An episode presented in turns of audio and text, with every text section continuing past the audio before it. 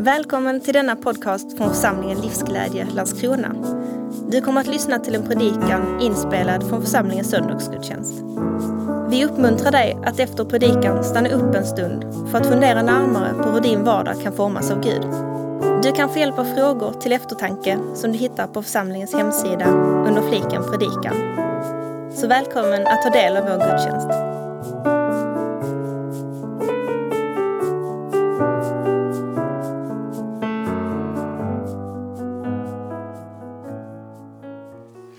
Så mycket att jag får komma hit och fira gudstjänst med er den här söndagen. Erika Bäck heter jag. Jag har med mig min man Jonas också idag. Och eh, för några veckor sedan så drog det in snö över Tollarp där vi bor och eh, det verkade som att det den här gången inte skulle stanna bara några timmar som det oftast gör utan faktiskt några dagar. Och jag tänkte kanske är det det här året, kanske är det nu som jag har möjlighet att lära mig det som jag har längtat efter och väntat på och lite bävat inför. Att lära mig att åka skidor. Jag, alltså, jag är livrädd för att åka utför men jag tänkte kanske kan jag lära mig att åka platt längdskidor. Jag tog hjälp av Trygg. Han ägnade en hel fikarast på ALT åt att visa mig i fikasalen hur jag skulle trycka ifrån så att jag liksom tog mig framåt. Och jag lånade ett par skidor av en vän i församlingen och jag frågade många gånger, men hur gör man då? Hur sätter man på dem? Hur sätter man på pjäxorna? Vad gör man med stavarna? Vad ska man med dem till? Var ska jag ta vägen? Ja, och eh, så drog jag ut till i skogen, Tollarp, Stackedala, vårt naturområde. Och så tänkte jag, här ska jag åka. Där fanns inga spår, det finns det vissa år, men då fick jag börja med att göra dem själv. Och så började jag med liksom staka mig framåt där. Och innan jag åkte iväg så sa jag till min man, Jonas, Jonas, glöm nu inte att ha telefonen på dig Jag har, har ljudet på. Ifall jag blir liggande i någon snödriva någonstans och inte liksom klarar mig själv, då måste du komma och hjälpa mig. Ja, det är inte lätt när man ska lära sig någonting för första gången och inte, inte riktigt har alla förutsättningar. Och jag är en person som, som gillar att ha ganska bra koll på läget. Jag gillar att vara väl förberedd.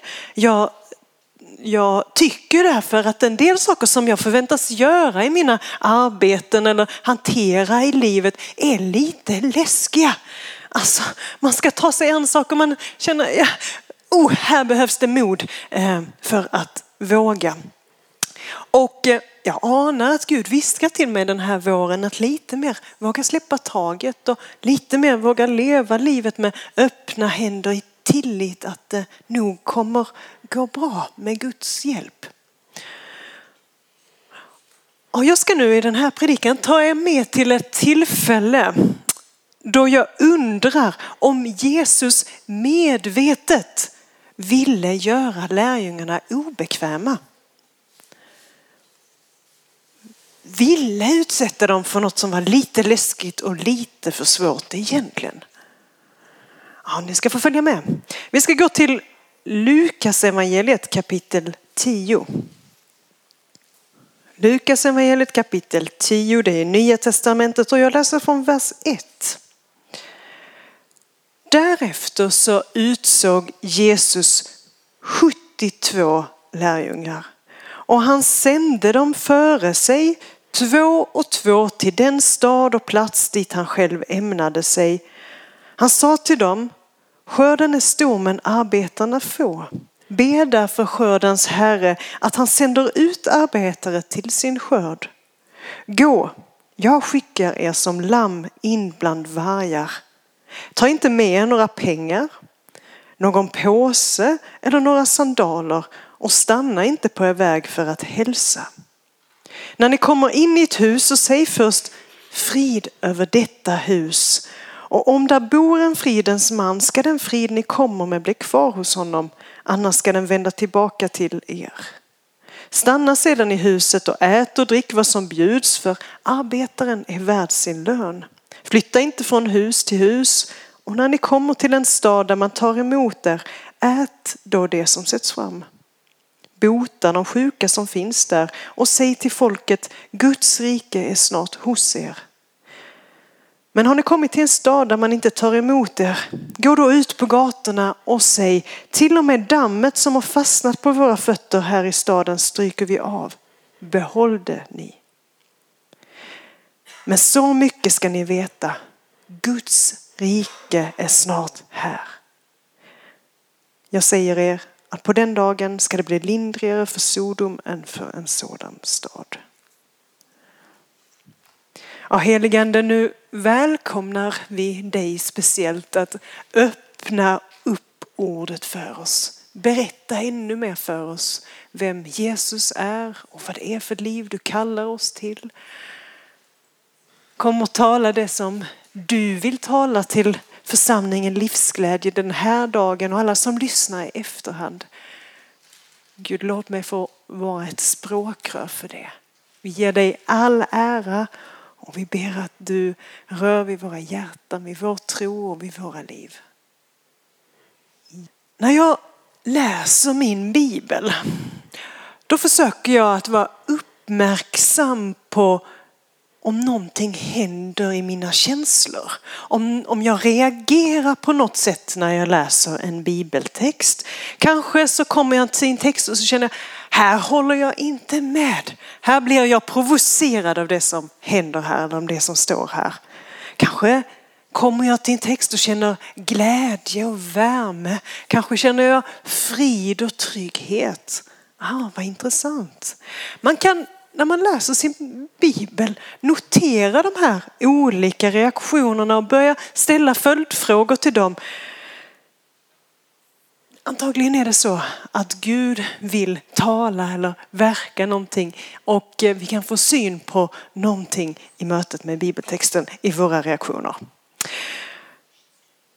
Ja, den här texten den den provocerar mig. Jag tycker den är rätt så klurig och, och har en del eh, frågetecken kring, kring exakt hur det gick till och, och vad Jesus tänker att vi ska göra idag. Så, där. Så, så därför vill jag gå dit. Jag tycker den är spännande. Det händer någonting i mig när jag läser den. Och eh, när man läser en bibeltext då kan man fundera på vad är det som är situationsbetingat. Alltså vad, vad, vad gäller precis den specifika situationen då när Jesus mötte dem? Och vad är det som gäller generellt? Och då kan man använda hela Bibeln. Är det något tema som vi ser kommer igen många gånger? Eller något som bara verkar ha gällt den gången just? Tyvärr kommer jag inte gå igenom den här texten riktigt ordentligt. Jag hoppas att någon annan gör det någon annan söndag. För jag har valt litet spår. Jag har anat ett tilltal, något som har berört mig. Men en generell och återkommande sak som vi ser i den här texten och som vi ser genom hela Bibeln och också i våra liv än idag. Det är att Jesus fortsätter att sända människor. Han fortsätter att säga gå, gå och berätta om det ni har upptäckt. Gå och berätta om den Jesus ni har börjat lära känna. Gå och berätta om det Guds rike som ni anar. Gå och be för andra, ge det som ni har fått vidare. Och Gud sänder människor, det, det ser vi i alla tider. Och kanske hör vi det också hos varandra. Att någon säger, jag har på mitt hjärta att vara en kristen på mitt jobb. Det, det har jag verkligen på mitt hjärta. Någon annan säger, ja, jag vill, jag vill förändra kulturen på mitt jobb. Jag vill, jag vill alltid vara beredd att dela mitt hopp om någon frågar mig. Någon säger jag vill ge Jesus in i kulturen. Någon säger jag vill vara klassförälder. Det tror jag är på mitt uppdrag. Någon säger jag ska engagera mig i en idrottsförening här och så ska jag göra allt för barn och unga för trygghet och för hopp och för framtidstro att de ska vandra rätt väg i livet. På olika sätt blir vi sända. På olika sätt känner vi, här har jag ett uppdrag, här har jag ett bidrag att ge vidare.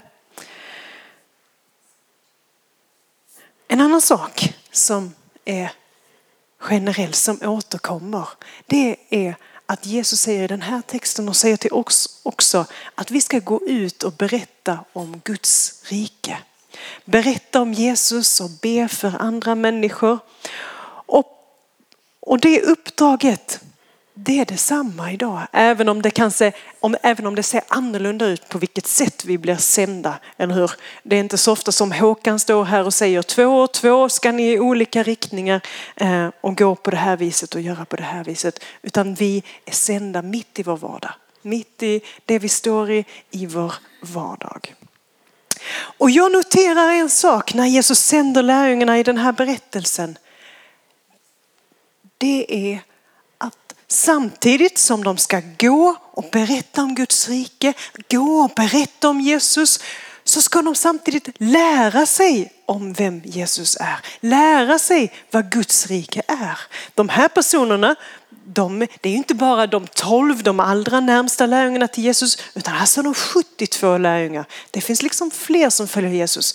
Men de har bara hängt med Jesus i några månader. De är inte fullärda, de har liksom inte en full akademisk examen i Jesuskunskap. De har liksom inte eh, fått göra massa praktik innan, utan de är ganska mycket nybörjare. Och så säger Jesus, gå.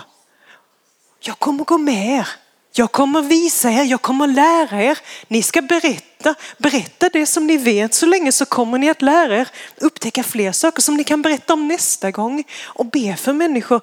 Och det verkar som att när de ber för människor så får de också se under. De möter också människor som var sjuka som blir hela och då kan de berätta det i sin tur och be för fler och fler. Det verkar finnas någonting som man bara kan lära sig genom att själv sätta sig i rörelse. Genom att själv prova om det funkar, genom att själv börja sätta ord på Jesus är sån här för mig. Det här har jag upptäckt av Guds rike i den rörelsen genom att välja att lita på att Gud håller. Genom att prova i praktiken, då kan man få lära känna nya sidor av Gud. Och I den här berättelsen så finns det en specifik mening som sticker ut och som har talat till mig. Och det är när Jesus säger så här, och det, det kanske är det här som eh, jag upptäckte provocerade mig speciellt. Han sa så här, ta inte med några pengar. Va? Ska de sändas ut utan några pengar? Hur ska de då klara sig? Och så sa han, ta inte med någon påse, alltså ingen ryggsäck eller tygkasse eller något så att ni kan bära med mat eller regnjacka om det blir regn eller varm tröja om det blir kallt. Eh, eller liksom Eh, några speciella prylar eller, eller evangelisationsmaterial eller någonting. Nej, de ska inte ha med sig någon ryggsäck eller påse eller någonting. Och så säger han till och med, ta inte med några sandaler. Och jag har ju till och med alltid innerskor inomhus. Alltså, jag går ju all, nästan aldrig barfota, bara lite på gräset på sommaren eller på stranden. Alltså han verkar vilja att de ska vara lite sådär avklädda. Han verkar vilja att de ska bära mindre packning. Det verkar finnas en anledning att han sänder dem utan sandaler, utan massa mat, utan massa prylar, utan bara i förtröstan. Han liksom säger, gå ni, jag går med. Vägen kommer liksom öppna sig för er. Men vissa människor kommer ta emot er, andra kommer kanske inte ta emot er. Men gå, jag går med. Och det finns någonting i det där att inte vara så rädd att, att eh, inte ha kontroll eller att inte ha svar på allt. Att inte veta exakt vad som kommer möta en. Och att gå utan sandaler, alltså det är ju obekvämt. Det är väldigt obekvämt att gå på grusväg utan skor. Jag undrar om inte Jesus medvetet vill att de ska vara lite obekväma. Att det ska vara lite läskigt. Han vill på något vis att de ska våga göra saker som utmanar deras lite rädslor, lite behov av kontroll. Att gå dit Jesus säger även om det känns ovant. Jag har ju aldrig varit i den där byn. Jag vet ju inte exakt vilket språk de pratar där eller om de är trevliga eller inte. Jag vet ju inte. Ja, exakt. Det är att bli lite mer avklädd. Att inte ha full rustning utan gå lite mer sårbar, lite mer beroende av Guds hjälp. Ehm, och våga förtrösta på Jesus. Och våga vara en människa med behov själv. Hmm.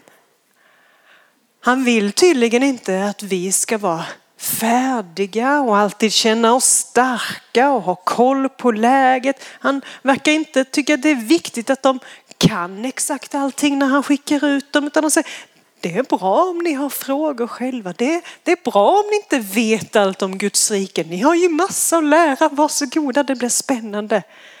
Vi är också på väg. Vi är också på väg att lära oss. Vi är också människor med behov. Och jag tror att det finns vissa sidor i tron eller vissa sidor av Gud som vi bara kan lära känna när vi liksom vågar testa det. Eller när vi vågar göra saker i praktiken. När vi vågar kliva ut ur båten som är en metafor. Jesus, han vill svara på böner.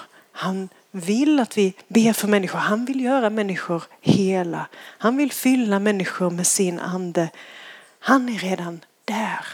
Ja, I den här texten så står det att han sände dem två och två till olika städer och platser dit han själv ämnade sig. Alltså, det tror jag ofta är vår upptäckt när vi, när vi möter en annan människa och vi kommer in på ett samtal om tron eller ett samtal om livet så kan vi ofta möta Jesus är ju redan här.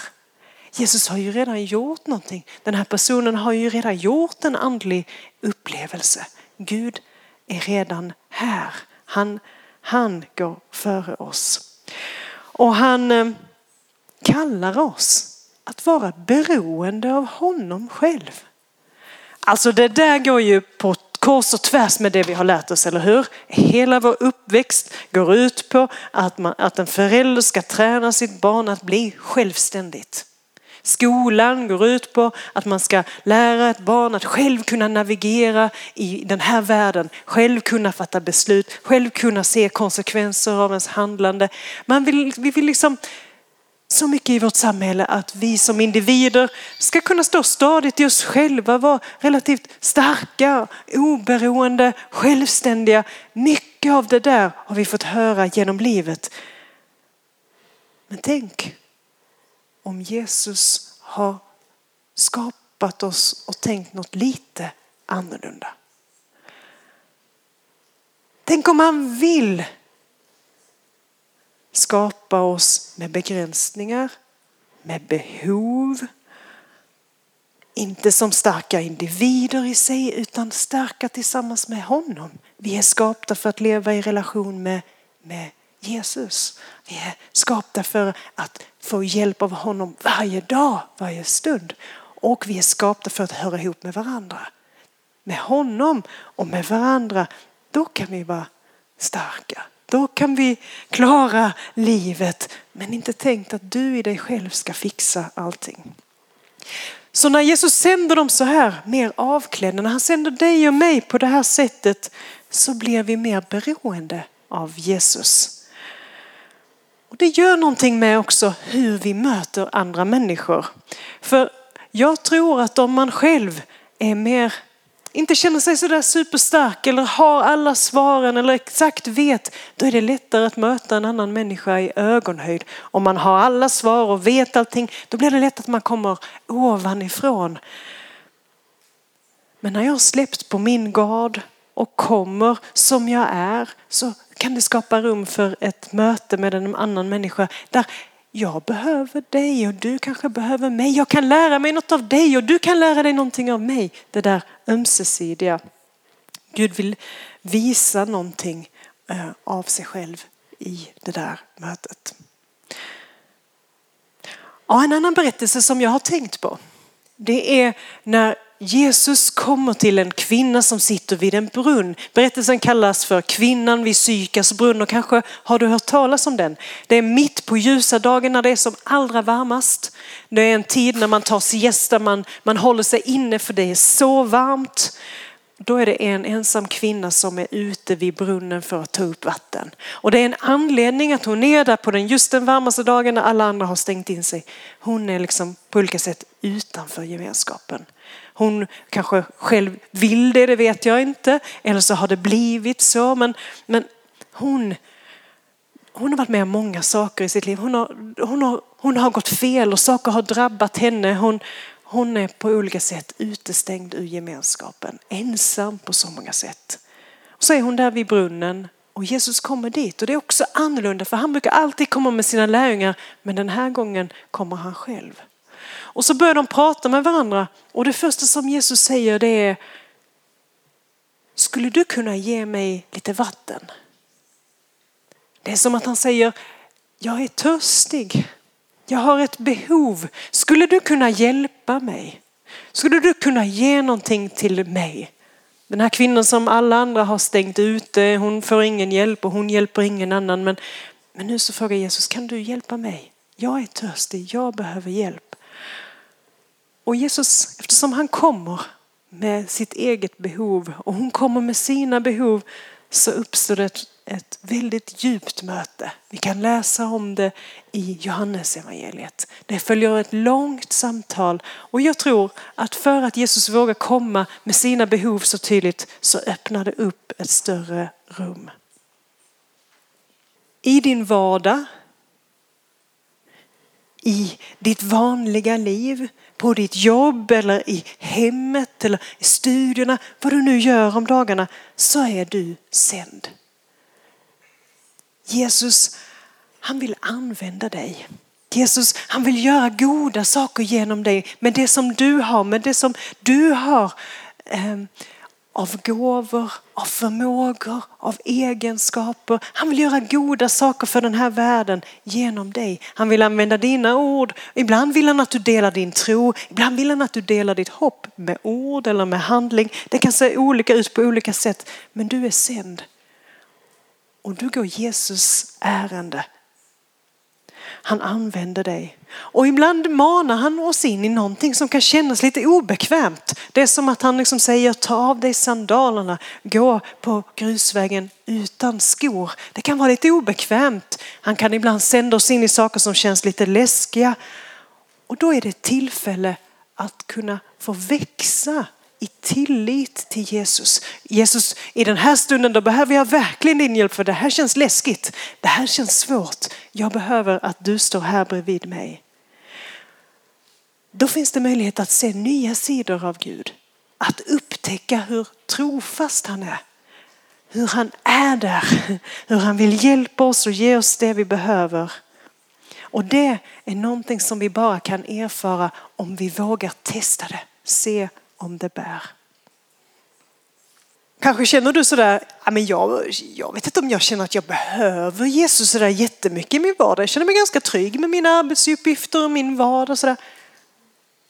Då kanske det kommer tillfällen när Jesus utmanar dig lite extra. Att våga Ja, han kanske glimtar på någon dörr och du får en fråga, vill du ta dig an det här? Och du känner, ah, det känns lite läskigt. Kanske är det Jesus som öppnar en väg för dig och kallar dig att våga gå den här vägen som är lite mer utmanande eller lite mer obekväm. Eller kanske tvärtom så känner du så här, vad står hon där framme och predikar om nu? Hela mitt liv är ju översvämmat av utmaningar och saker som känns läskiga och alldeles för svåra för mig att ta mig an egentligen. Ja. Vet då att Jesus han är trofast. Han vill gå med dig, han vill bära med dig. Han är någon att lita på när det stormar, när det utmanar. Han kanske vill ge dig ett par sandaler då. Ja, han jobbar på olika sätt vid olika tider. En bön som jag själv ibland stavar på och använder ehm, det är en bön som kallas för Sankt Patricks bön. Och Sankt Patrick han var en missionär och en predikant som kom till Irland och har blivit viktig för kyrkan i Irland. Det var på 400-talet men, men han har liksom fått stor påverkan än idag. Och han, han bad en bön som har översatts på lite olika sätt till svenska men, men ungefär kan låta så här att Kristus är framför mig. Kristus är bakom mig. Kristus är på min högra sida och på min vänstra sida. Kristus är ovanför mig och under mig. Han omger hela mig på alla sidor och han bor i mig. Och jag tänkte att jag skulle be, be för oss. Jag ber utifrån den här bönen, för så brukar jag göra. Jag brukar be fritt utifrån den här bönen. Tack Jesus att vi får vara dina. Tack att vi får vara dina barn. Tack att vi inte behöver kunna allt eller veta allt eller vara färdiga allt och kunna hantera alla livets utmaningar på egen hand. Utan tack att vi får luta oss emot dig, att vi får lita på dig. Tack att du Jesus går före oss. Tack att vi får ta rygg på dig. Ibland när du vill sända oss in i utmaningar som känns lite läskiga så får vi ta rygg på dig, följa efter dig. Tack Jesus att du är den som går bakom oss. Du håller vår rygg om något blir speciellt svårt eller utmanande. Men du kan också pusha oss i rätt riktning när vi behöver det. Tack att du går vid vår högra sida och vänstra sida. Du är vår vän som vandrar med oss genom allt. Tack att vi får hålla din hand när, det, när vi behöver det. Tack att du Jesus är ovanför oss. Du är så mycket större än vad vi kan tro och förstå. Du kan göra och förändra sånt som ser omöjligt ut. Berg som tornar upp sig framför oss som är alldeles för svåra för oss. Tack att du är så mycket större. Tack att du är marken under oss. Du är klippan vi kan stå på. Du är den som gör oss trygg. Hjälp mig att lita på dig. Tack att du omger mig på alla sidor. Jag behöver inte vara rädd för du är med. Tack att du också bor i oss, var och en med din heliga ande. Tack att du vill ge oss av kraft, av mod, av hopp, av vägledning. I Jesu namn. Amen.